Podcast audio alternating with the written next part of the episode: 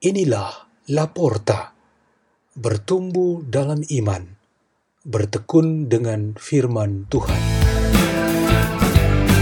Bersama saya, Pras Imam Biarawan SDB, Salesian Don Bosco.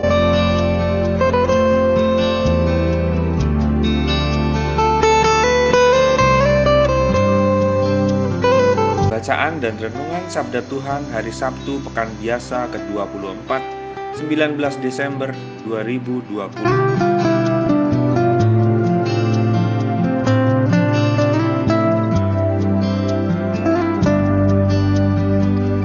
Pembacaan dari Injil menurut Lukas. Ketika orang banyak berbondong-bondong datang, yaitu orang-orang yang dari kota ke kota menggabungkan diri pada Yesus, berkatalah ia dalam suatu perumpamaan. Adalah seorang penabur keluar untuk menaburkan benihnya. Pada waktu ia menabur, sebagian benih itu jatuh di pinggir jalan, lalu diinjak orang dan burung-burung di udara memakannya sampai habis. Sebagian jatuh di tanah yang berbatu-batu, dan setelah tumbuh, ia menjadi kering karena tidak mendapat air. Sebagian lagi jatuh di tengah semak duri, dan semak itu tumbuh bersama-sama dan menghimpitnya sampai mati. Dan sebagian jatuh di tanah yang baik, dan setelah tumbuh, berbuah seratus kali lipat. Setelah berkata demikian, Yesus berseru, Siapa mempunyai telinga untuk mendengar, hendaklah ia mendengar. Murid-muridnya bertanya kepadanya, "Apa maksud perumpamaan itu?" Lalu ia menjawab, "Kepadamu diberi karunia untuk mengetahui rahasia kerajaan Allah, tetapi kepada orang-orang lain hal itu diberitakan dalam perumpamaan, supaya sekalipun memandang, mereka tidak melihat." dan sekalipun mendengar, mereka tidak mengerti. Inilah arti perumpamaan itu. Benih itu ialah firman Allah. Yang jatuh di pinggir jalan itu ialah orang yang telah mendengarnya. Kemudian datanglah iblis, lalu mengambil firman itu dari dalam hati mereka, supaya mereka jangan percaya dan diselamatkan. Yang jatuh di tanah yang berbatu-batu itu ialah orang yang setelah mendengar firman itu menerimanya dengan gembira, tetapi mereka itu tidak berakar. Mereka percaya sebentar saja, dan dalam masa pencobaan mereka murtad.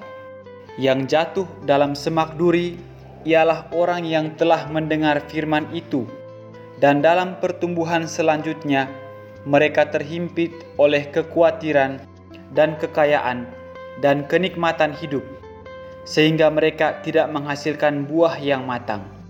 Yang jatuh di tanah yang baik itu ialah orang yang setelah mendengar firman itu menyimpannya dalam hati yang baik dan mengeluarkan buah dalam ketekunan. Demikianlah Injil Tuhan.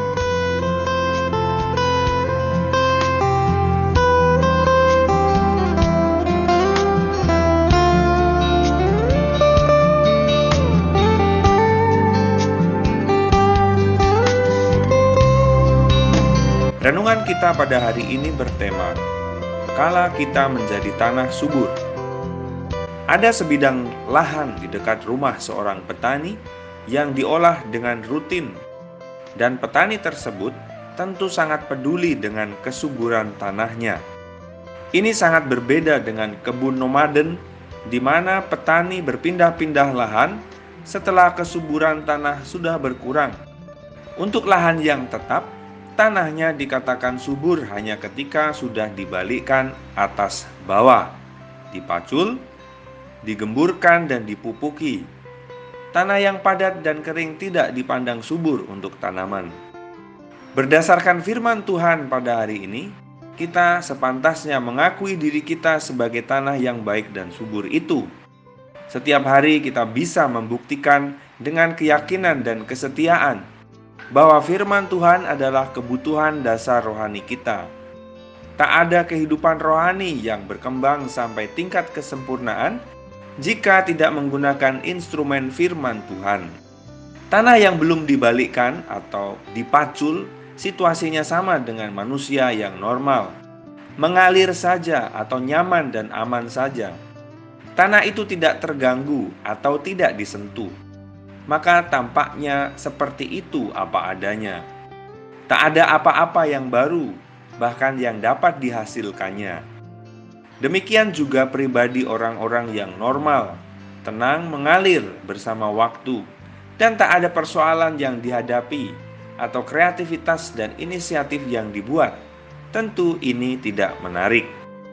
Kalau mengenai tanah yang sudah melalui proses bolak-balik sampai menjadi gembur, ini menunjuk pada orang-orang yang mengalami persoalan atau kesulitan dalam hidupnya. Keadaan mereka rapuh, patah hati, sakit hati, menderita, tersiksa, teraniaya, terlantar, terpinggirkan. Siapa pun yang mengalami hidup seperti ini, jelas sekali sebagai tanah subur, tempat Tuhan berkenan menanami firman dan karyanya.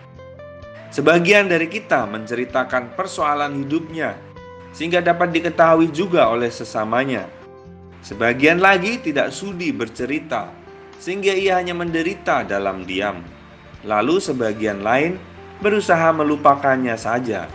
Tetapi Tuhan tahu untuk berbuat atas keadaan itu.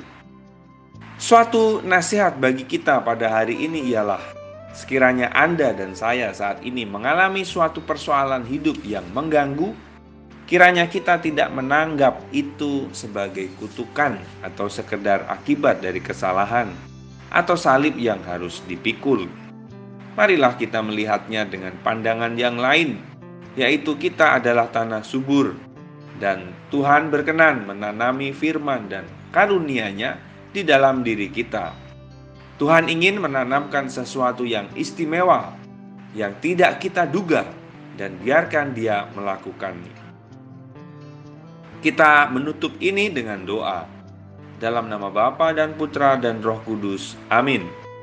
Ya Yesus Tuhan kami, melalui kemurahan dan kerendahan hatimu, jadikanlah hati kami seperti hatimu. Semoga hidup kami hari demi hari tidak menjadi sia-sia.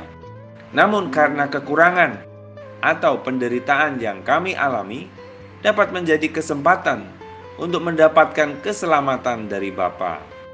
Kemuliaan kepada Bapa dan Putra dan Roh Kudus, seperti pada permulaan, sekarang, selalu dan sepanjang segala abad. Amin.